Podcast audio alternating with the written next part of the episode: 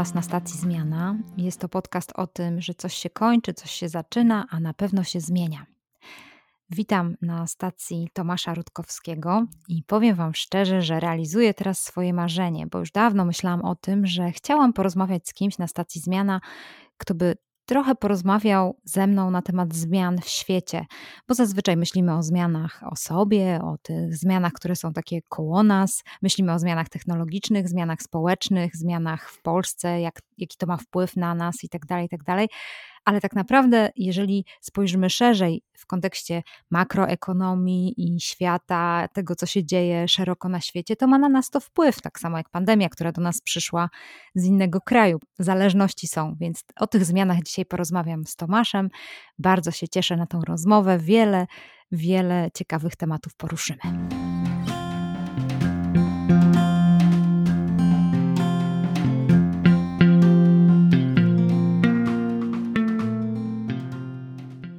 Cześć Tomku.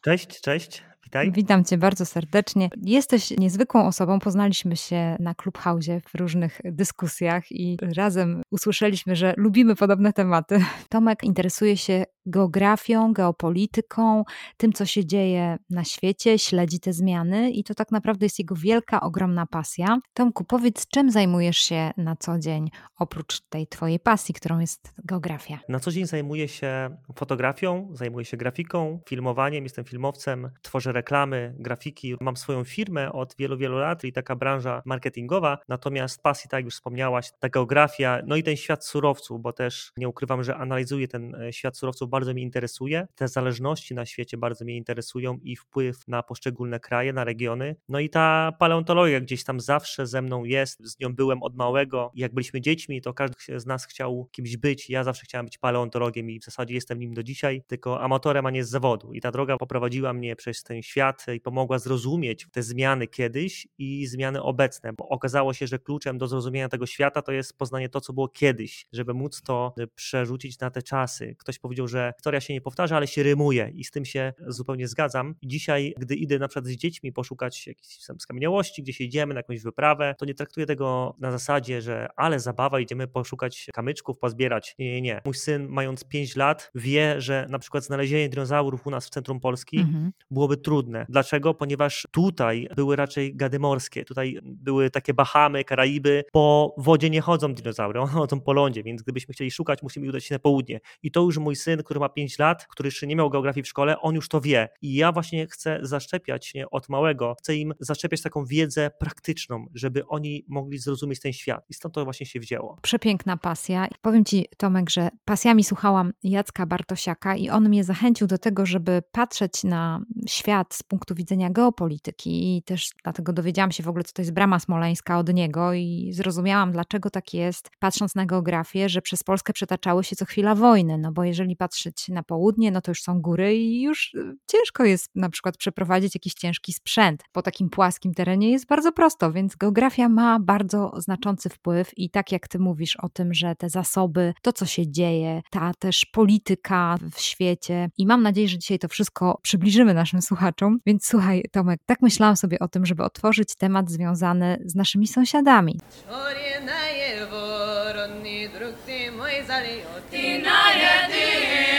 ta yesha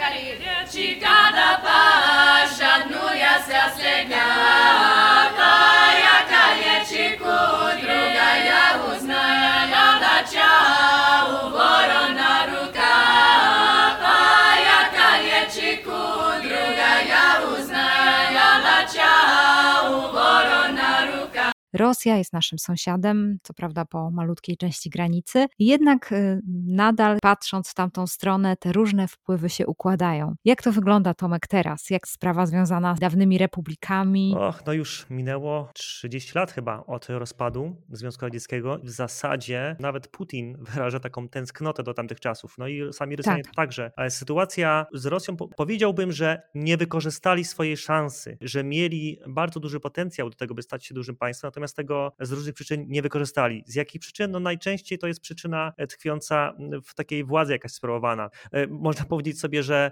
Rosja jest antagonistą dla słowa demokracja, więc tu chyba należy rozwiązania tego problemu poszukiwać. W zasadzie, odkąd się rozpadł e, Związek Radziecki, poprzez wiadomo, były niepokoje pracownicze, mm -hmm. wzrost przestępczości, e, spadek produkcji, wzrost deficytu budżetowego, no, tych, tych powodów było mnóstwo i w 1991 roku w końcu to gdzieś to padło wraz z tym kryzysem e, żywnościowym. Pierwszy chyba zaczął się bodajże od Estonii rok wcześniej. No i minęło już 30 lat i można powiedzieć, że w zasadzie tylko, może nie tylko, ale głównie Kazachstan jest takim zwycięzcą tego podziału. Tak?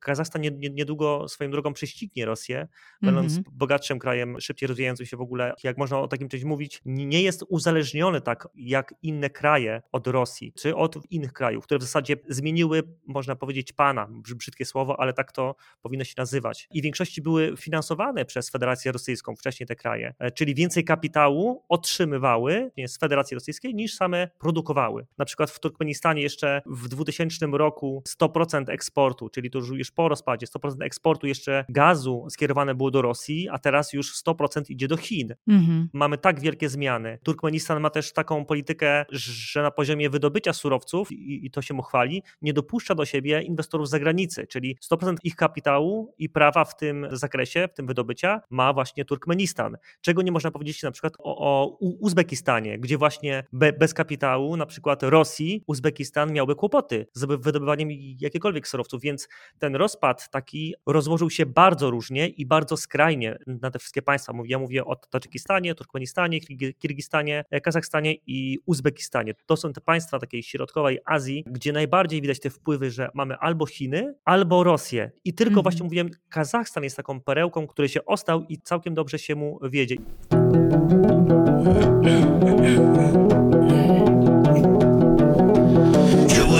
Başındaydı şu an salla şangır şangır Yülen sarım takı çüllü yürüyüşüm bir yemir Büy büy büy büy Gidarım başındaydı yezer şu an şangır şangır Ergen aram yaşındaydı Çavağızı cayır cayır Büy büy büy büy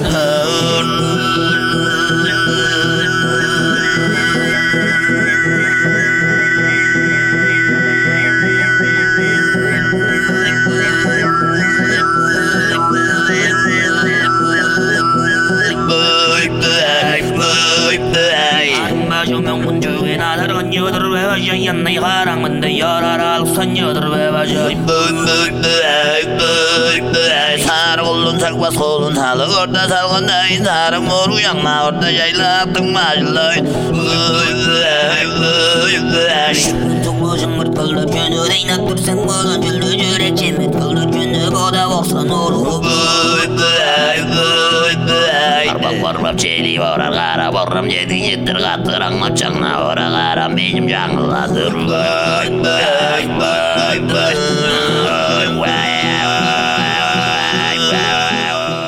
Polityka Chin mm, działa ludzie, którzy y, y, żyją w warunkach niekomfortowych. Pomijając bezrobocie, to chodzi o zwykłe warunki mieszkalne, taki mhm. drogi dostęp do sklepów. Ci ludzie, którzy wszyscy żyją w takich warunkach, to nagle przychodzą Chiny, budują infrastrukturę, fabryki, ludzie nagle mają pracę i tu nie ma kalkulowania dla tych ludzi, co jest lepsze. Nie mieli nic, i teraz ich komfort życia jest lepszy. Stać ich na szkołę dla dzieci, więc o czym tu dyskutować? A, a, spróbuj, tak. a, a spróbuj teraz im to zabrać, tak? Czyli mm -hmm. powiedzieć, że tak, ale droga, e, uwiązanie z Chin, kto wie, czy nie będzie gorsze niż uwiązanie od Rosji. Tylko spróbuj e, zabrać ludziom nagle taki luksus, który im się dało. Oni mm -hmm. mają po mhm. czym jeździć, oni mają na edukację dzieci, więc to jest taki główny problem, że Chiny dbają o tą infrastrukturę, o to otoczenie, do którego wchodzą, a Rosja inaczej podchodzi do tego. Czyli Rosja chce dużo dla siebie pozyskać, natomiast jak najtańszym kosztem. Czyli jeśli widzi, że infrastruktura jest już prawie wyżyłowana, to oni nie wkładają tutaj kapitału, żeby to naprawić, żeby to zmodernizować, tylko stwierdzą, że i tak tego mało zostało, więc tu nie warto w to inwestować. Chiny podchodzą do tego zgoła inaczej. I to jest właśnie chyba ten plus. No i to chyba dlatego właśnie Rosja ma obecnie chyba małe i średnie przedsiębiorstwa, to jest 20 bodajże procent PKB Rosji. Dla porównania w Polsce małe i średnie przedsiębiorstwa to jest 50%, tam 49 z hakiem.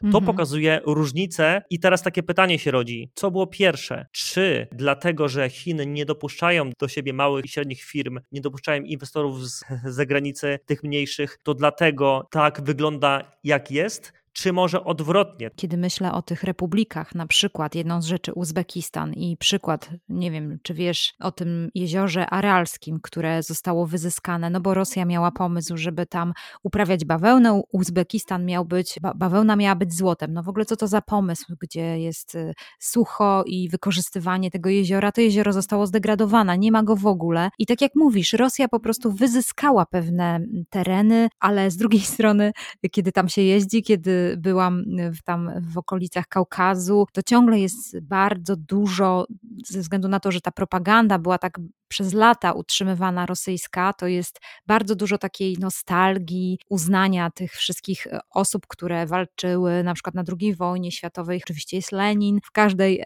z tam z republik, ale z drugiej strony niestety te republiki no, zostały zdegradowane przez Rosjan, strasznie rozpite też, bo na przykład mam kolegę, który na Syberii tam mieszkał długie lata z Polski, on jest w ogóle z e, północnej Polski i mówił, jak bardzo tamte na przykład narody narody zostały przesiedlone, oczywiście alkoholizm ogromny, gdzie jest mnóstwo sierot, dzieci, które są pozostawione. Oni mają niestety bardzo, bardzo słabą tolerancję na alkohol. Alkohol niestety bardzo źle na nich działa destruktywnie, bardzo szybko się uzależniają i niestety szybko umierają. Tak gdzieś poniżej 40 roku życia, więc bardzo dużo sierot pozostawionych. No ale chodzi mi o to, że właśnie te sieroty i to, co mówisz, i teraz ktoś przychodzi i to zagospodarowuje. Ktoś y, buduje infrastrukturę, dba o dzieci, chociaż jest pozostawienie jakiejś nostalgii, ale jest już zmiana i teraz nie można tego odebrać. Nie? I jaki jest ten wpływ Chin? Co oni robią? Czy oni wprowadzają jakąś swoją ideologię, czy tylko oni potrzebują pobudować jakieś trasy, żeby dojechać super do Europy? To wygląda tak, że w zasadzie Chiny wiedzą, że te kraje, którym pomagają, którym dają pożyczki, może tak można to nazwać, mhm. wiedzą, że większość tych krajów jest skorumpowanych i wiedzą w zasadzie, że te pieniądze na dane inwestycje się skurczą. Część tych pieniędzy wyparuje pod stołem, mówiąc kolokwialnie. Pożyczane jest tyle, ile z spokojnie starczy na daną inwestycję. I teraz ogłaszane są przetargi. Ktoś to zrobi za 50% ceny, a drugie 50% jest do podziału przez decydentów. Później okazuje się, że ktoś, kto miał wykonać to przedsięwzięcie, czy to była droga, czy to była kolej, nieważne, to za te 50% nie zrobił tego i się nie wywiązał, zbankrutował, źle oszacował i finalnie projekt wyniesie na przykład 70% i 50%, ale spokojnie, możemy jeszcze dołożyć te 20%, ponieważ mamy 100% kapitału. No nie, nagle się okazuje, że nie ma, że te 50% wyparowało. I tutaj pojawiają się później długi, na co trzeba znowu uśmiechnąć się do Chin, którzy dadzą kolejną pożyczkę. I tutaj już jest rozmowa zupełnie inna, bo gdy Chiny nie udzielą kolejnego kredytu, to dany projekt, droga, fabryka, kopalnia, nie będzie funkcjonować i nie zacznie spłacać długu, więc za wszelką cenę trzeba mm, projekt ukończyć. No nie przedłużając, finalnie zamiast 20% udziału w danym e, na przykład wydobyciu produkcji. To jest ten koszt. I Chiny mają już 40%, 50% udziału na przykład w danym przedsięwzięciu i tym sposobem idziemy do kroku kolejnego. Tutaj możemy przytoczyć na przykład Angolii, gdzie łącznie długi wobec Chin przekracza 20 miliardów dolarów i znaczna część właśnie tego długu spłacana jest po prostu w ropie wysyłanej do Chin. I nie jest to 30%, 35, 40, tylko jest to 70% produkcji całego kraju jest wysyłana właśnie do Chin. Mówiłem tutaj o trasie, no to Czarnogóra w zasadzie jest takim przykładem, gdzie e, wystąpiła ostatnio do Unii Europejskiej z prośbą właśnie o spłatę miliarda dolarów zadłużenia wobec Chin. Jeśli tego nie zrobi, będzie musiała oddać się swojemu pożyczkodawcy znaczne połacie jakiegoś tam terytorium, ponieważ tak ma wpisane w umowie. Czarnogóra pożyczyła te pieniądze na budowę autostrady, która biegiem czasu okazała się być najdroższą tego typu w ogóle inwestycją na świecie i chińskie spółki były zaangażowane właśnie w 40 ze 170 kilometrów tej planowanej autostrady. I Czarnogóra jest obecnie winna im ten 1 miliard dolarów. O taką prośbę właśnie e, zgłosiła się do Unii Europejskiej, która powiedziała, że nie pomoże w spłacie tego długu, natomiast pomoże im dokończyć tą, tą trasę, ponieważ no, Czarnogóra jest kandydatem do, do Unii Europejskiej, do przystąpienia i, ten, i ta droga, która jest budowana w bardzo trudnym terenie, jest takim kluczowym symbolem wymiany właśnie handlowej, gdzie będzie można znacznie skrócić w ogóle transport, jeśli chodzi o połączenie jakiekolwiek z, z Czarnogórą. To jest miejsce newralgiczne i też Chiny o tym wiedziały, że to jest bardzo projekt drogi, ryzykowny, ale why not? Jeżeli Czarnogóra chce i bardzo chce być Czarnogóra w Europie, to na tym zbudujmy tą pożyczkę, że oni bardzo chcą, to my im pomożemy. I oni dokładnie wiedzieli, że mogą być trudności, ponieważ to jest bardzo trudny teren, no i wiedzieli, że część pieniędzy zawsze w każdym kraju ucieka, no więc tutaj tego nie ukończyli.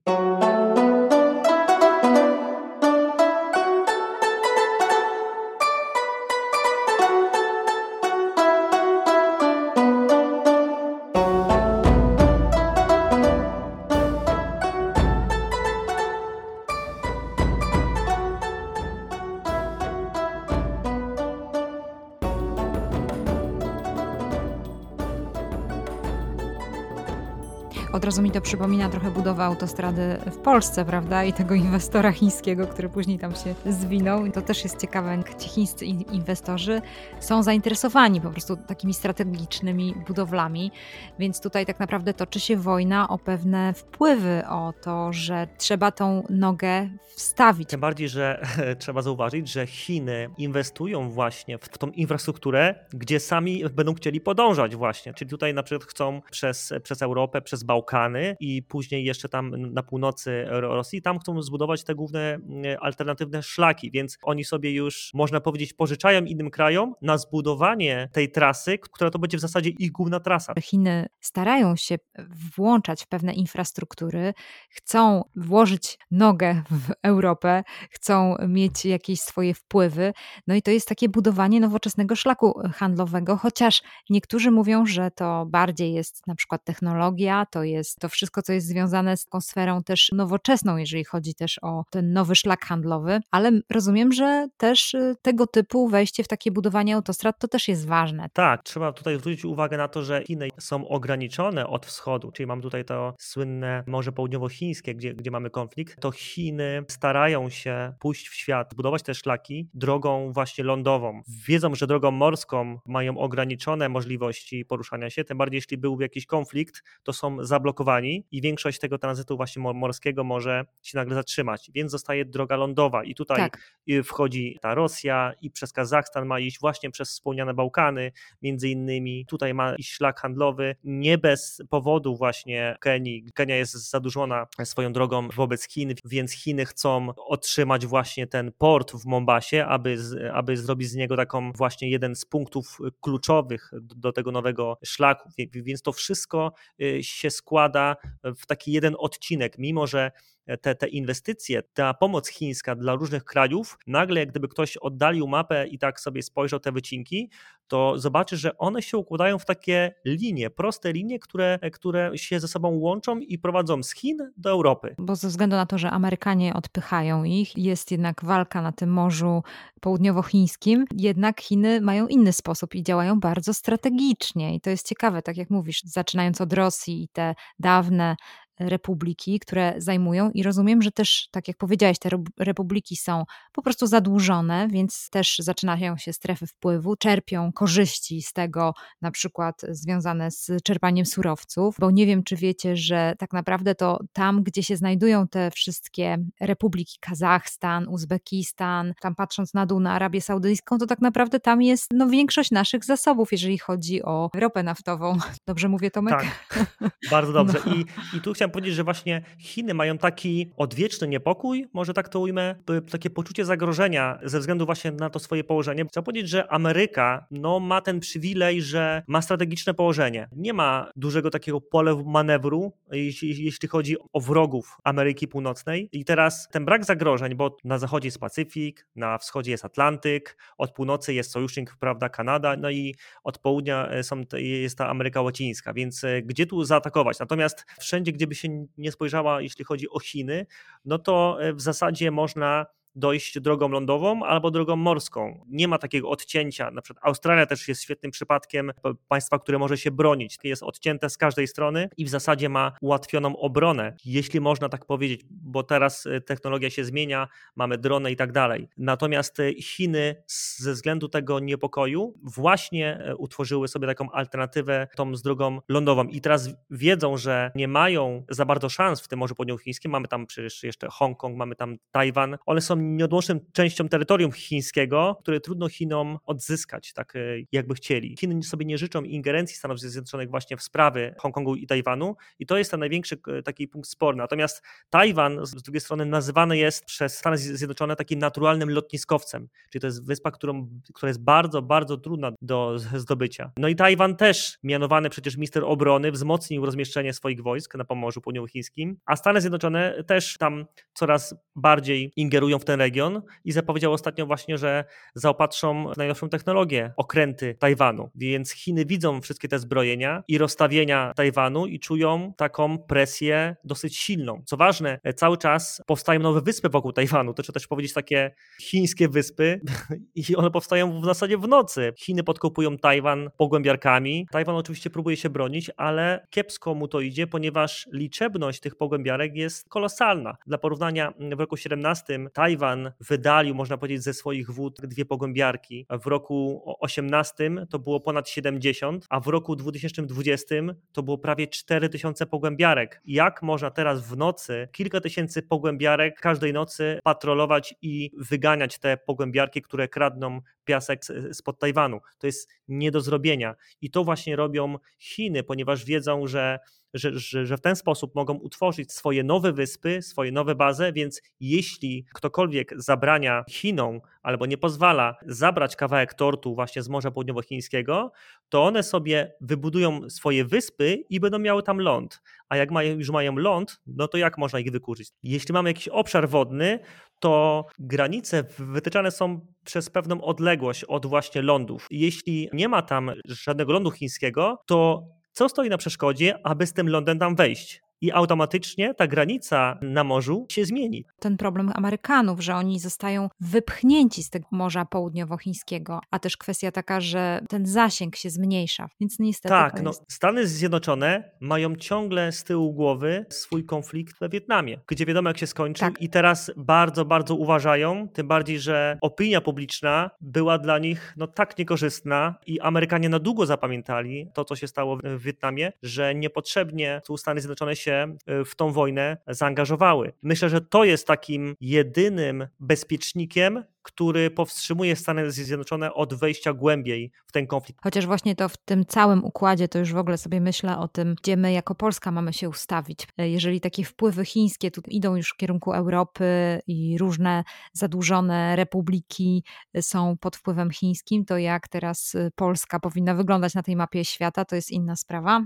Ja tutaj powiem jedną rzecz bardzo ważną, że jeżeli chodzi o taki dylemat kogo wybrać, z kim trzymać obecnie, w którą stronę iść, bo tutaj do tego wszystko zmierza, czyli kto ma być e, takim partnerem handlowym w przyszłości, to to wszystko nie jest takie jednoznaczne. Można by powiedzieć, że kiedyś e, Stany Zjednoczone brylowały na mapie świata, a teraz Chiny, ale to nie jest takie oczywiste, bo trzeba tutaj zdać sobie sprawę, że Chinom tyka zegar. Azja Wschodnia weszła, w ogóle cała Azja Wschodnia weszła w taką erę spadku liczby ludności. Chyba tam Japonia jako pierwsza e, wykazała taki wyraźny trend właśnie spadku w tym zakresie, ale ostatnio Chiny także dołączyły do tego. Chiny, których ludność szacuje się na półtora miliarda prawie, również zbliża się do poziomu naturalnego spadku liczby ludności. Tam liczba noworodków spadła w tym kraju o 15% w, w zeszłym roku. To jest bardzo dużo i sami Chińczycy w ogóle szacują, że ta ich populacja kraju zacznie spadać w roku 30. Natomiast ONZ twierdzi, że rok 32. Nieważne, które wyliczenia są bardziej zbliżone, to wiemy, że Chinom zostało około 10 lat, żeby jednak zdobyć to przywództwo na świecie, wieść ten prym, jeśli chodzi o sferę ekonomiczną, o gospodarczą i żeby do tego czasu, przez te 10 lat, uzależnić od siebie jak najwięcej państw. To jest właśnie ten cel, bo oprócz tego, że gospodarka jest, można powiedzieć, coraz się prężniej rozwija, o tyle Chińczycy uciekają ze wsi do miast w poszukiwaniu właśnie lepszego życia. Co to powoduje? Że Chińczykom z tego powodu właśnie zabraknie w 2025 roku 130 milionów ton zboża. Zabraknie im po prostu żywności. Tam nie ma kto uprawiać roli. Wszyscy ciągną do miast, żeby podwyższyć swój status życiowy, czy tam znaleźć pracę i tak dalej, a okazuje się, że nie będzie miał niedługo kto na nich robić, kto ich wyżywić, skoro większość będzie przeprowadzała się do, do miast. Ale prawdopodobnie mogą to być osoby, które zostaną wysiedlone z terenów chińskich wpływów i które będą po prostu przeniesieni, może nawet siłą do Chin i będą pracowali z tych biedniejszych krajów, kto wie, albo będą wielkie obietnice i tak dalej. No tak sobie radzą kraje, które dojrzewają, że po prostu otwierają się na inne państwa, oferują dużo i wtedy te proste prace wykonuje tak jest. ktoś inny, nie? Taki syndrom, y, model bangladeski, to jest tak zwany, tak? czyli tania siła robocza. Tutaj też Birma weszła w ten sy system właśnie. Tak. I tutaj oczywiście już darmowa praktycznie praca Ujgurów, północno-zachodnia część Chin i tutaj właśnie jest zdominowany ten region przez taką, można powiedzieć, nieetyczną pracę. Z tego słynie ten region ostatnio właśnie. Tak, już nie mówiąc o Arabii Saudyjskiej i tak dalej. Poczytałam tam trochę reportaży, no to to jest taki klasyka właśnie, że tam się i wykorzystuje się tych pracowników, niewolnicza praca to jest norma. Ale tak jak na przykład no nawet patrząc tam na tą Arabię Saudyjską, na te różne rejony, no wiadomo, że ten, kto ma surowce, ten jest królem. I tutaj od tego nie, nie uciekniemy, że tak jak geografia, tak jak paleontologia, ona jest, ty to wiesz. Jak to wygląda teraz z tymi surowcami, Tomek? Bo też już przestaje, może tak być taki nacisk na tą ropę naftową, chociaż wciąż jest bardzo ważnym surowcem, ale też inne zaczynają tutaj grać rolę. Europa już nie ma pewnych surowców, więc trzeba je odzyskiwać. Tu tutaj mamy zakręconą sytuację z tym e, Tak, związaną. E, to bardzo ciekawe, bo powiedziałeś, że, że kto ma surowce, ten króluje. I to jest prawda, natomiast jest coś tak zwanego jak klątwa surowcowa. I o ile na przykład Australia sobie poradziła z tymi surowcami, bo Australia dołączyła do tej współpracy handlowej z, z Chinami, to oprócz tam hodowli bydła, e, metale, mieć boksyty, diamenty i jeszcze złoto, srebro. Australia na początku była beneficjentem, a Chiny pod względem ekonomicznym były na szarym końcu w ogóle, chyba nawet za Etiopią, jeśli chodzi o, o rozwój. I to byli mieszkańcy wsi. Australia miała po prostu dobrego klienta. Chiny kupowały surowce, do Chin w zasadzie 60% węgla, 90% bawełny, rudy żelaza, 40% obecnie eksportu ogólnego Australii to, to są Chiny. Problem jest taki, że Australia niepostrzeżenie nie zauważyła tego, że nagle to Chiny zostały beneficjentem i taki konflikt wewnętrzny w Australii dotyczący tej polityki, a może nawet takiej dumy, że e, zostali zdjęci z piedestału, że to Australia w zasadzie powinna rozdawać karty, a tak nie jest. I to, i to się po prostu okazało, okazało po jakimś czasie. Mimo, że ambasador Australii w Chinach, już chyba roku 2007, alarmował, że Australia potrzebuje Chin bardziej niż Chiny Australię. To gdzieś się nie, nie przedostało do tej Australii, jak widać, do, do polityków, ponieważ dopuścili do tego, że tak się w końcu stało. I pokazał to nawet COVID w marcu 2020 rok i Australia postanowiła nawet zbadać, co się stało w tym Wuhan. Uznawali, że coś tam jest nie tak. No to Chiny od tamtego momentu w zasadzie mm -hmm. wprowadziły w jednym momencie cło na węgiel, na wołowinę, na bawełnę, jęczmień, czy nawet 200% cła na wina. I Australia wtedy zobaczyła, że o kurczę, faktycznie chcemy zadrzeć z kimś, nie mamy karty przetargowej. Nawet to,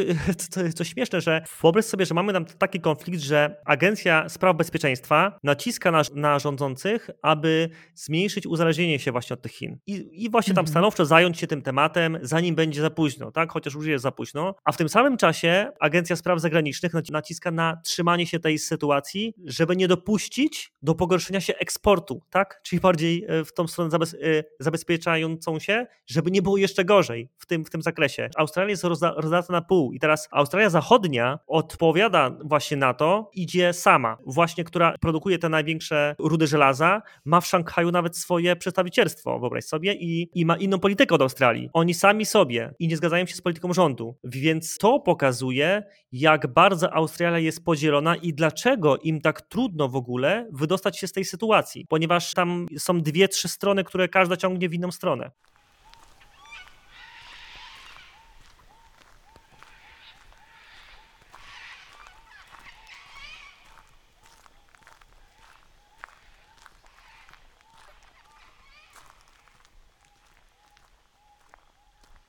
A powiedz Tomek, czy możesz jakoś tak przybliżyć nam temat tego surowcowego przekleństwa? Czy mamy jakiś taki przykład kraju, który jest przeklęty przez te surowce? Tak, może to nie kwestia kraju, tylko tak sobie myślałem ostatnio, że kwestia tego, kto sprawuje tam władzę i jak zarządza. Bo wśród najbogatszych krajów mamy G8, są na przykład Japonia, Wielka Brytania, Francja, Włochy, które na swoim terenie mają skromne w zasadzie zasoby naturalne. U nich jest ok, można powiedzieć tak kolokwialnie, że jest ok.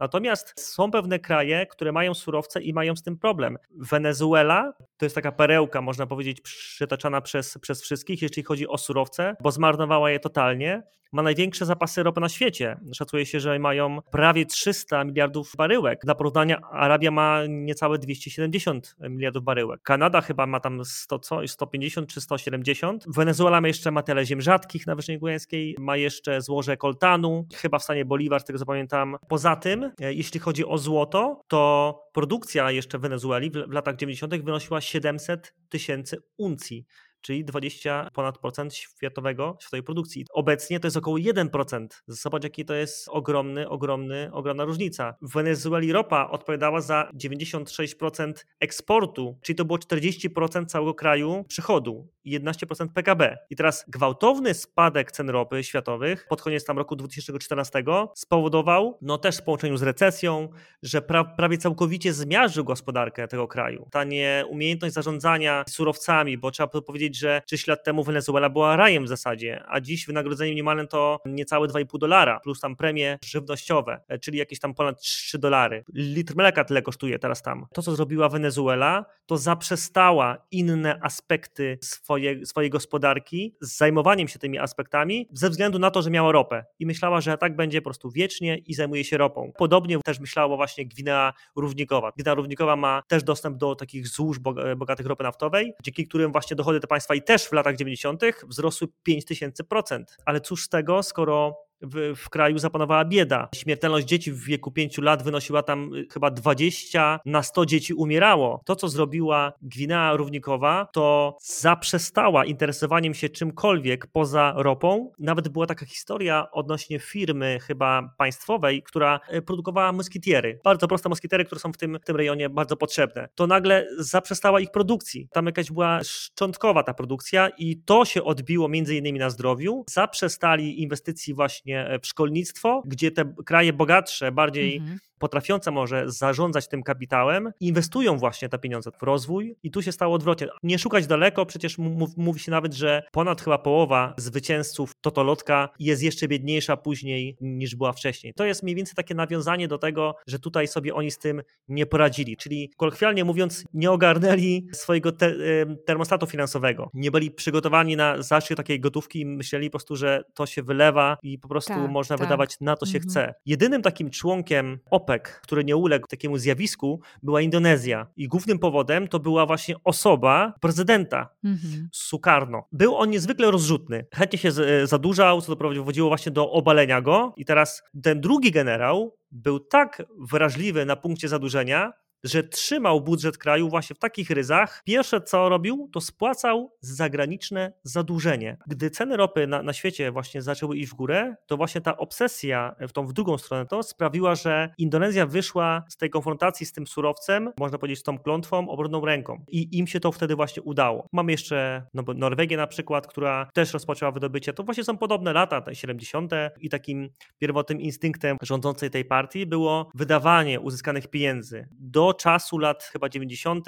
i po kilku kryzysach, takich zawirowaniach, no, Norwegia się zreflektowała i przyjęła właśnie też nieco inny typ budżetowania, zarządzania tym kapitałem i od tamtej pory w zasadzie kraj notuje stale takie nadwyżki budżetowe i prowadzi taki słynny fundusz majątkowy. Także Norwegia na początku też robiła błędy, ale podobnie jak na przykład Indonezja e, siłowo ją zreflektowali, natomiast Norwegia wyciągnęła pewne lekcje i też obecnie bardzo dobrze zarządza wpływów z tych surowców.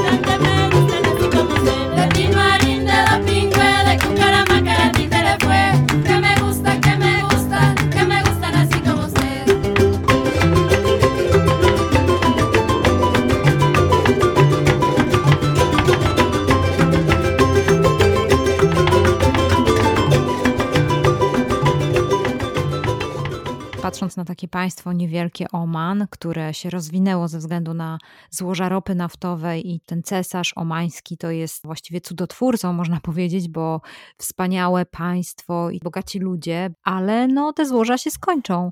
Nie wiadomo, co będzie za dekadę tam, bo oni już nie będą mieli ropy naftowej, już skończy się ta, te finanse, więc jak widać te różne zmiany, pytanie później, kto tam wejdzie, jakie będą naciski i tak dalej, to wszystko, to wszystko jest pod znakiem zapytania, ale tak samo też kwestia jest tych surowców przyszłości, Tomek. Jak to wygląda teraz? Czy my mamy jakieś też naciski w kierunku tych surowców przyszłości? Czy mamy je, czy nie mamy? Czy Chiny też tutaj chcą sobie wydrapać kawałek e, tego? Tak, kraje teraz wszystkie na świecie wiedzą, jakie surowce będą potrzebne w przyszłości i już wdrażają pewne działania, które spowodują uniezależnienie się od niedoborów tych kluczowych e, surowców, to są na przykład metale ziem rzadkich. Mówiłeś na przykład kiedyś, że z Europy nie pozwala się wywozić nie? pewnych surowców. Tak, tak. I teraz e, e, Europa jest bardzo fajnym takim przykładem, ponieważ w Europie mamy bardzo silny nacisk na ekologię. Coś, czego nie ma w zasadzie tam w Azji, w Chinach, bo jeśli chodzi o, o budowanie tych kopalni różnych, to Chiny mają to do siebie, że zostawiają właśnie te kopalnie w takim stanie opłakanym. Coś tam się wylewa, trafia do rzeki, zanieczyszczone. Natomiast jeśli chodzi o Europę, to tu jest silny właśnie nacisk na to, po pierwsze, żeby tych surowców nie wywozić, bo ich jest mało, a mało jest dlatego, ponieważ nie pozwalamy otwierać tych kopalń, ponieważ dbamy o ekologię. Mm-hmm, Te mm-hmm. kółko się zamyka, tak? Ostatnio w Portugalii właśnie nie pozwolono otworzyć w północnej Portugalii kopalni metali ziem rzadkich. To właśnie z tego powodu, ok, ludność jest zadowolona, ponieważ ten region to jest taki kluczowy, z którego tego źródła właśnie zasilają ich rzeki w głąb kraju. Natomiast minus jest taki, że no, śpią na złożach metali ziem rzadkich, bardzo cennych metali, niestety nie będą z nich korzystać. Więc to jest myślę, że kwestia tego czasu, aż oni zobaczą sobie, że, że na świecie ten metal jest tak pożądany i to jest importowanie go jest tak problematyczne, tym bardziej, że większość metali ziem rzadkich znajduje się w Chinach, 90%. I jeśli Chiny zatrzymają dla siebie, to reszta świata będzie miała bardzo wielkie problemy. Na przykład y, mhm. Elon Musk nawet inwestuje w ziemię, w solanki i tam chce właśnie pozyskiwać z dużych płaciał solanek, chce pozyskiwać lead, więc każdy tutaj już wchodzą korporacje. Mimo, że kraj dany może się mniej interesować albo nie zdawać sobie sprawy, to korporacje dokładnie wiedzą, co mają w tabelkach w Excelu. One widzą te liczby i już też e, próbują naciskać na państwa, które chcą, żeby właśnie ten metal sobie zabezpieczyć. A jeśli tego nie robią, widzą, że coś jest ociężałe, jeśli chodzi o działanie w tym kierunku, to same korporacje po prostu kupują, otwierają, inwestują w, kopalnie metali ziem rzadkich, żeby nie mieć problemów w przyszłości. Na przykład tutaj właśnie mówię o branży na przykład samochodowej. To samo się tyczy Grenlandii. Grenlandia miała ostatnio bardzo duży dylemat, ponieważ chciałaby uzyskać niepodległość od Danii, natomiast jej nie stać, tak? bo większość środków otrzymuje to od Danii. Natomiast ostatnio nawet przyspieszono tam wybory o rok z powodu właśnie chęci otwarcia kopalni metali ziem rzadkich. Bo jak wiadomo, gdzie dwóch się bije, ten trzeci korzysta. I tutaj Australia chciałaby wejść, ale nie śmie. Chciałaby wejść tutaj, skorzystać Europa i Chiny jeszcze. Chiny postanowiły wejść tutaj jako australijskie konsorcjum. Nie Chiny, znane z tego, że, mhm. że pozostawiają te brudne otoczenie, zanieczyszczone te kopalnie, chcą wejść przez australijskie konsorcjum, które właśnie stworzyli. Wydali 83 miliony dolarów już właśnie na ten projekt kopalni, no i prawie im się udało. Natomiast tutaj wybory które się odbyły, sprawił, że partia rządząca do tej pory uzyskała 29 chyba procent, niecałe 30, a ta druga partia zdobyła 35 czy 37, już teraz nie pamiętam. I po raz pierwszy ta partia, która właśnie przegrała, ona przegrała od 79 e, roku. I ta nowa mhm. partia powiedziała coś zaskakującego, że mimo, że oni są za tą kopalnią, to wysłali taki mocny sygnał, że mimo, że wygrali i chcą kopalni, to dla nich nie warto poświęcać środowiska, aby osiągnąć ten cel, tak? czyli otworzyć tą kopalnię. Zreflektowali się, postanowili, że nie pójdą w to, y, co bardzo ucieszyło tą oczywiście, już nie mówię o, dru drugą, y, o, dru o tą drugą partię polityczną, która przegrała, natomiast chodzi o całą Grenlandię, która wysłała taki mocny sygnał do świata, że jednak może kwestia jest tego, żeby poszukać jednak alternatywy, skoro nie jest tak prosto, bo wydawało się, że skoro brakuje litu, brakuje, nie wiem, wanatu, to pasowałoby metali się rzadkich pozyskiwać z tych miejsc, z których się da. I teraz okazuje się, że te właśnie państwa, te, te miejsca, które są bogate w te złoża, nie jest tak łatwo uzyskać metale, więc gdy większość myślała, że będzie tak łatwo jak z Afryką, to się pomyliła. Tym bardziej, że w Afryce w wielu miejscach się te złoża kończą, po drugie wybuchają wojny, to jest rejon niestabilny i dlatego szuka się właśnie w innych regionach niż w Afryce. Okazuje się to być nie lada wyzwaniem. Yeah man, well and right was papa days. More respect, not Me go so them Tons of the trees Black mud trees As for Kalibada He always appears Me go so them Tons of the trees Black mud trees As for Kalibada He always appears we are ready to declare, I confess. Ras Papa conscious use the best. Better watch them with an interest. Upon the microphone, them fittest. Arrange no love, still there is no rest. As a roaring lion and a hungry bear. A same way a wicked them rule over them poor. And every Jawa know that is pure. So wicked wise man hide themselves. Righteousness increase till there is no peace. Now big deal a youth man pull trigger upon youth man. Mr. Policeman is still the corrupt man. Is it the poor man, the better man? Or is it the bad man, the better man? So people them tell me who's the better man. Me have to know who is the better man. Me go so then conserve the trees. Plant more trees as one garima die always a preach. Me go so then conserve the trees. Plant more trees as one garima die always a preach. Me go so similar thing one garima die Mother Teresa. No właśnie, no myślimy w Europie o alternatywnych źródłach energii, o tym, żeby baterie litowe mieć. No to z czego my to zrobimy? Gdzieś musimy zrabować te surowce, żeby to mieć i produkować. Więc znowu kupowanie od Chin, no to kłaniają się Chiny, prawda? No tak, i Chiny bardzo. Zacierają ręce. Zacierają ręce, tak, ponieważ wiadomo, że Chiny bardzo silnie ostatnio uzależniają kraje właśnie afrykańskie. Znaczy, można powiedzieć, inwestują, tak, budują infrastrukturę, pomagają tym krajom afrykańskim, natomiast taki ukryty haczyk jest w tym, że to są pożyczki od Chin, które są oparte o surowce, czyli jeśli dany kraj nie jest w stanie spłacić danego e, zadłużenia, to po prostu wtedy legalnie jest dawane im to, co mają najcenniejsze, czyli właśnie swoje surowce. Surowce. Tak. tak. No ale słuchaj Tomek, no to teraz jeszcze jeden ważny surowiec, woda. Czy Chiny też jakoś zabezpieczają w tej dziedzinie, czy też maczają w tym swoje palce, że tak powiem, jeżeli chodzi o wodę, czy nie? Czy tutaj jest wojna w Afryce, toczy się o wodę i, i w innych krajach, gdzie jej braknie? E, Chiny się zabezpieczają, no tu nie sposób w ten sposób się zabezpieczać przez Afrykę, natomiast robią to u siebie na podwórku. Tutaj można poruszyć temat Tybetu. Główne rzeki w Chinach, tak Yangtze, Huangqi, rzeka Amur, to jest powód między innymi dążenia do opanowania terenów w Himalajach, podporządkowania sobie, dlatego że dzięki temu mają bezpieczeństwo wodne. Jeżeli chodzi o Chiny i ten region, to jeśli Chiny straciłyby dostęp do tych źródeł, które zasilają główne rzeki Chin, to problem byłby taki, że każdy inny kraj, który byłby tam zamiast Chin, mógłby odciąć po prostu Chiny od wody. Więc one się w tym zabezpieczyły. To jest moje takie Mhm. rozmyślenie, że gdyby nie Chiny, to Tybet byłby zajęty przez inny kraj. Takie e, je- jest moje zdanie, ponieważ to jest na tyle strategiczne miejsce, że Chiny nie mogły sobie pozwolić, żeby ktokolwiek tam wszedł i po prostu uprzedziły ten kraj, którego nazwy nie znamy i się nie dowiemy. No właśnie, i tak samo na przykład można powiedzieć o Egipcie, że przecież cała delta Nilu, oni żyją z tego, no ale źródła Nilu są gdzieś indziej. Tak, kluczowe dla Nilu jest jego źródło, a źródło właśnie znajduje się na południu.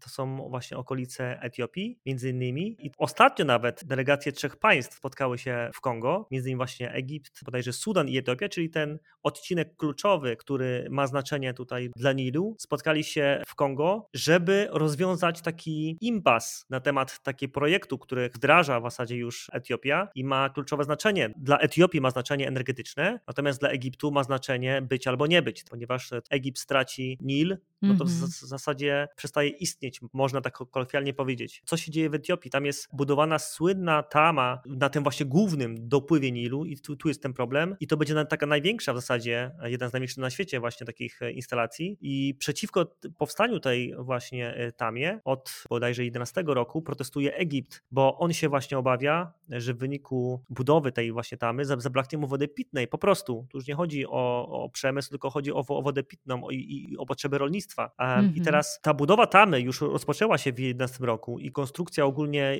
jest wysoka na 155 metrów i prawie 2 km szerokości, więc ona jest ogromna. Ona jest tuż przy granicy z Sudanem i pomieści 75 miliardów sześciennych wody, więc to jest naprawdę duże przedsięwzięcie, które ma zapewnić, co ciekawe, energię, czyli e, większość krajów ogólnie w Afryce ma problem z wodą, natomiast tutaj Etiopia faktycznie ma też problemy z tą wodą, natomiast Etiopia chciałaby wreszcie uniezależnić się od właśnie od energetyki, od prądu, bo obecnie 66% jej mieszkańców nie ma dostępu w ogóle do elektryczności, to, to, to trzeba powiedzieć. I tutaj e, ten problem w Etiopii był głęboki i Tatama ma to rozwiązać, czyli Tatama ma zaopatrzyć Etiopię w prąd oraz dostarczyć takiego przychodu z nadwyżki tego prądu, które będzie sprzedawane za granicę. I tylko mi nie mów, że to budują Chiny, tą tamę, że tamę budują Chiny. E, wiem, że ona kosztuje e, niecałe 5 miliardów dolarów, ale e, szczerze powiedziawszy nie wiem, jaki jest, jest tutaj pytanie. procentowy i jaki jest procentowy udział, udział Chin. Tama w zasadzie już tutaj nie ma tego problemu z ukończeniem budowy, bo za rok ona już ma być gotowa. Na napełnianie tych zbiorników się już dawno zaczęło, więc za rok ma ta tama już być gotowa, to więc już wiemy, że, że to przedsięwzięcie nie, nie skończy jak te pozostałe właśnie w innych krajach. Co warto tutaj powiedzieć, to że Egipt jest tak w niekomfortowej sytuacji i podobnie właśnie jak można powiedzieć jak Australia. Nie mają za bardzo kart przetargowych. Po pierwsze, między Etiopią a Egiptem jest Sudan i Erytrea, które się nie zgadzają w ogóle na jakiekolwiek pośredniczenie w tych negocjacjach, czy może w tym konflikcie, żeby pozwolić im się spotkać na neutralnym gruncie, to Sudan i Erytrea nie chcą tego robić. One nie chcą brać udziału w tym właśnie konflikcie, tak? Oni są, taką, oni są takim murem, gdzie nie chcą po prostu ingerować w ich sprawy. I to trzeba głośno powiedzieć. Natomiast takie dane, że w Egipcie 600 metrów sześciennych wody na mieszkańca rocznie, tyle wynosi zużycie, powoduje, że Egipt jest już w zasadzie poniżej tego takiego progu niedoboru według ONZ. 98% tej wody właśnie tej słodkiej w Egipcie ma swoje źródło właśnie w Nilu. Tak jak mówiłem, że dla Etiopii w zasadzie ta tama nie ma znaczenia pod względem takiego bezpieczeństwa wodnego, tylko pod względem energetycznego, a właśnie dla Egiptu powodzenie tych negocjacji tyczy się być albo nie być. Tak? Gdyby, mm -hmm. gdyby, ten, gdyby ten proces um, trwał, bo tam um, była informacja odnośnie ile lat chciałaby Etiopia napełniać ten zbiornik. E, Etiopia chce w ciągu tam trzech bodajże lat. Natomiast Egipt chce w ciągu 21 lat. Mhm. Gdyby ten proces trwał 21 lat, to Egipt straciłby 3 miliardy sześciennych wody rocznie i nie mógł wtedy uprawiać 2,5% swoich obszarów rolnych. A według scenariusza Etiopii Egipt straci 27 miliardów wody sześciennych i 67% powierzchni upraw. Dlatego to mówiłem, miałoby katastrofalne skutki, gdyby właśnie potoczyło się tym scenariuszem, który chce Etiopia i jedyne o co walczy obecnie Egipt, to jak najdłuższe i jak najwolniejsze napełnianie tego zbiornika. Mhm. Słyszałam, że Etiopia mówi, że nic się nie stanie, co jest oczywiście nieprawdą, bo będzie to miało wpływ na Egipt i wszystko się zmieni. Tak jak mówisz, tak będzie, więc pytanie, to jest taka niedaleka przyszłość. Tak, i teraz w dodatku Etiopia jest obecnie w takim stanie, można powiedzieć, wojny domowej, więc też nie jest za bardzo zajęta sprawami tamy, tylko ma swoje wewnętrzne, wewnętrzne problemy i tutaj to jest pokłosie właśnie też kolonizacji właśnie tak. w, w, Afryce, gdzie Etiopia, jak i inne kraje Afryki powoli zaczynają zajmować się w ogóle innymi sprawami, takimi, których ktoś, czy inwestor, czy kraj, który tam prowadził jakieś inwestycje, nawet nie brał pod uwagę. To nagle jakieś ze sobą plemiona zaczną walczyć i tutaj sytuacja kur, kuryzalna, czyli e, premier Etiopii, Abiy Ahmed Mali, który który od 2008 roku jest w ogóle premierem Etiopii, jest laureatem pokojowej Nagrody Nobla.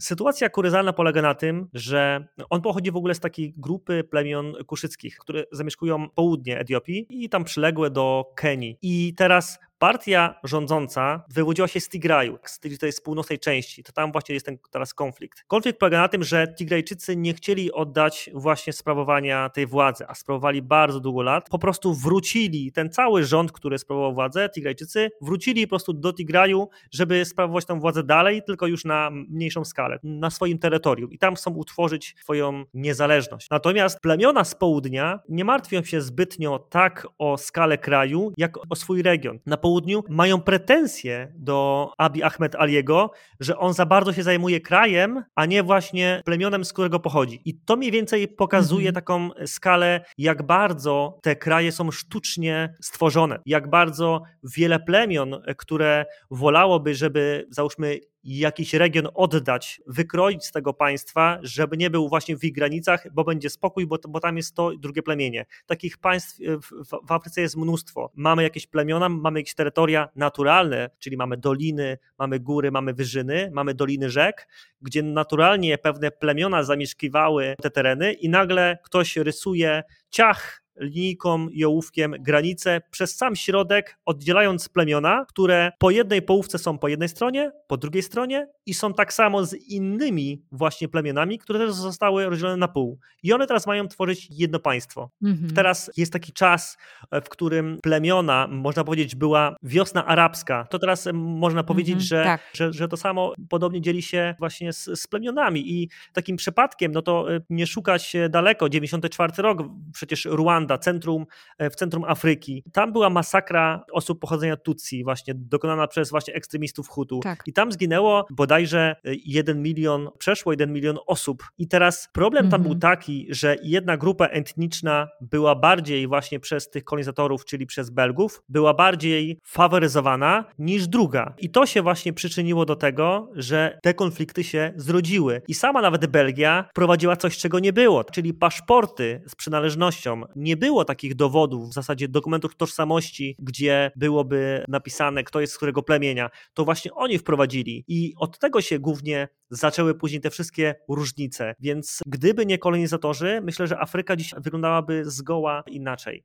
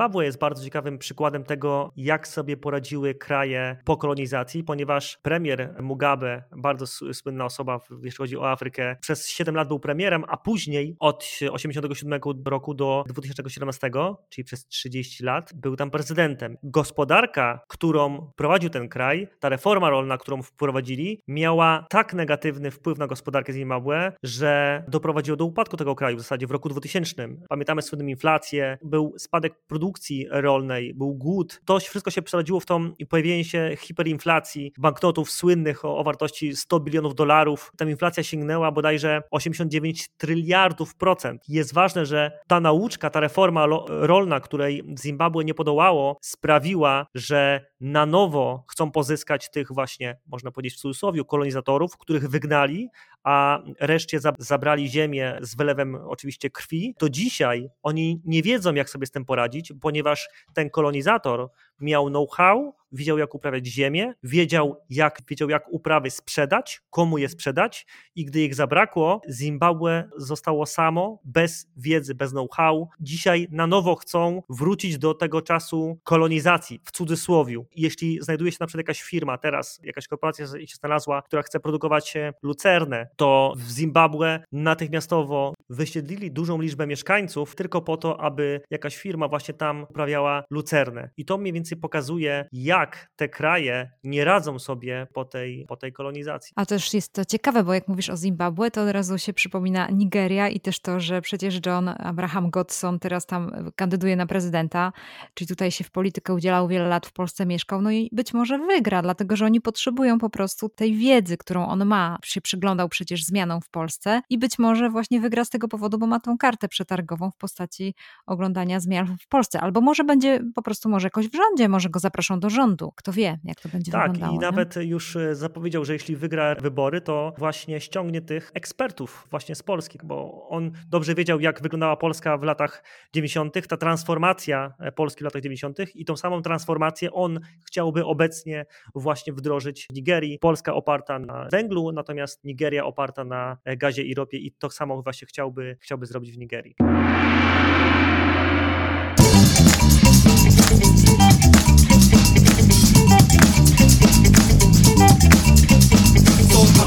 Everybody's alright. All Africa. Everybody's inside. All Africa. Everybody's on you. Africa. And these some Peru. Everybody's alright. All Africa. Everybody's inside. All Africa. You're a chimpanzee. All Africa. From the Zimbabwe.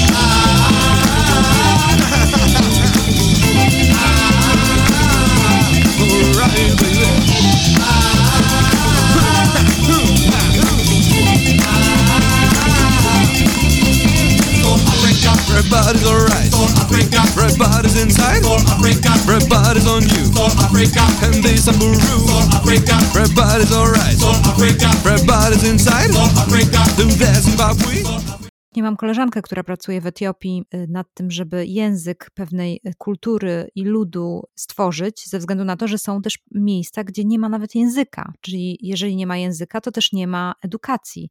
Więc ten y, cały, cała historia tego ludu, kultura zanika. Mi to bardzo przypomina, no po prostu te republiki rosyjskie to jest to samo, że to wiesz, też po prostu została zrusyfikowana i później zanika w ogóle kultura I tych ludów, tradycje. Tak, tak, tak samo jest właśnie z walutami, czyli po rozpadzie Związku Radzieckiego długi czas była jeszcze, były, były rosyjskie ruble stosowane. Te kraje nie miały, nie miały własnej waluty, te kraje nie miały własnego pomysłu na, na edukację, na opiekę zdrowotną i w zasadzie można powiedzieć, że zyskały niepodległość, ok, i co dalej? Mhm. I one nie wiedziały, co dalej. Były tak uzależnione, że w zasadzie też większość tych osób, która miała wpływ na takie zarządzanie tym krajem, na know-how, jak to zrobić, wraz z rozpadem po prostu wybrała Rosję. Mhm. E, te kraje maluczkie zostały same bez tych właśnie, bez tych na przykład ekspertów. I tym sposobem, Tomek, zakręciliśmy koło, e, patrząc e, od tego, jak rozpoczęliśmy nasz, naszą rozmowę. Rozpoczęliśmy ją od Rosji, od naszych sąsiadów i tak naprawdę wracamy tutaj na nasze podwórko. I wiem, że ty rozwijasz swoją pasję i rozwijasz to swoje poszukiwanie, geopolitykę, geografię. Powiedz mi, Tomek, gdzie ty się rozwijasz, gdzie, gdzie szukasz też takiej wiedzy eksperckiej, bo to może też może nas zainspirować do tego, żeby poszukiwać czegoś takiego. Tak, to jest w zasadzie tak wąska dziedzina, że natrafiając na artykuły czy na kontakty, na fora, na grupy, nagle masz styczność z, z ekspertami. To nie jest tak, jak porozmawialibyśmy sobie o piłce nożnej, jest tyle grup, for, że każdy może tam dyskutować jak chce, natomiast jeśli chodzi o surowce i właśnie takie tematy geopolityczne, można powiedzieć, interesuje się nimi tak mało osób, że już te stricte grupy są nafaszerowane konkretną wiedzą, dokładnymi danymi, newsami e, ze świata. Ja osobiście dużo biorę swojej wiedzy, między innymi od takich osób jak Bogusz Kasowski, który jest moim zdaniem jednych z większych ekspertów surowców tutaj w Polsce. Analizuje te dane ze świata i też pomaga mi zrozumieć ten świat, bo w zasadzie to jest połączenie ekonomii, gospodarki, biznesu, inwestycji. Te wszystkie aspekty się razem łączą, tak, Łączą. pokrywają się i za młodych czasów, no to nie było dosyć popularne. Czym się interesujesz? Geografią, no to, to nuda. My z Tomkiem nie gramy w państwa i miasta, bo on zawsze wygrywa. No to nie, to jest właśnie takie pokłosie tego, że musiałem uciekać i szukać osób, które się tym interesują i poznałem prawie dwa lata temu taką grupę właśnie też w internecie, fundamentalni, wcześniej stosowni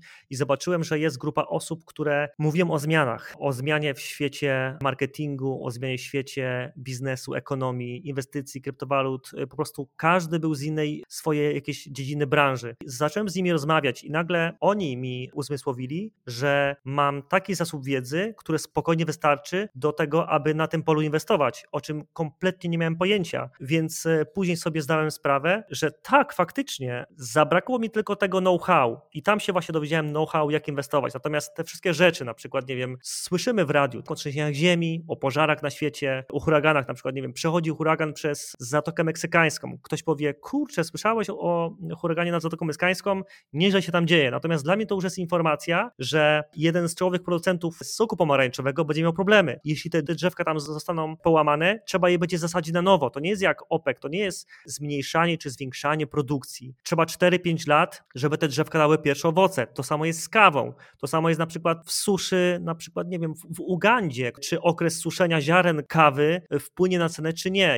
Jeśli pogoda temu nie sprzyja, to raczej trafi na rynek kawa gorszej jakości. I tak dalej, i tak dalej. Można wymieniać spadki w dostawach prądów w Afryce Południowej, co się odbije na rynku platyny. I też wybrzeże Kości Słoniowej, Ghana, kakao. I to wszystko, wszystko się wiąże i ma wpływ. I teraz kluczowe jest tutaj poznanie tej wiedzy, która pozwala te informacje, te newsy, które każdy słyszy na co dzień w radiu, na co dzień w telewizji, wykorzystać je. I właśnie w ten sposób, odkąd jestem z fundamentalnymi, wykorzystuję tą wiedzę właśnie między innymi do, do inwestowania. Super, Tomku. Bardzo to jest ciekawe, co powiedziałeś, bo tak jak mówisz, to wszystko, co widzisz w tej grupie fundamentalni i widzisz, jakie są zależności, zjawiska atmosferyczne, ta cała zmiana, która następuje na świecie, ma wpływ. Na przykład ma wpływ na Twoje inwestowanie, ma wpływ na ludzi, którzy są przedsiębiorcami, którzy inwestują gdzieś w jakimś kraju. Naprawdę bardzo Ci dziękuję za Twoją wiedzę, za to, że się podzieliłeś tyloma przykładami, aż dzisiaj po prostu pojechaliśmy po całym świecie. Nawet niektórych krajów pewnie wiele z naszych słuchaczy nie zna, ale to ich zachęci do tego, żeby poznawać geografię, bo geografia jest ważna, nie tylko polityka, prawda?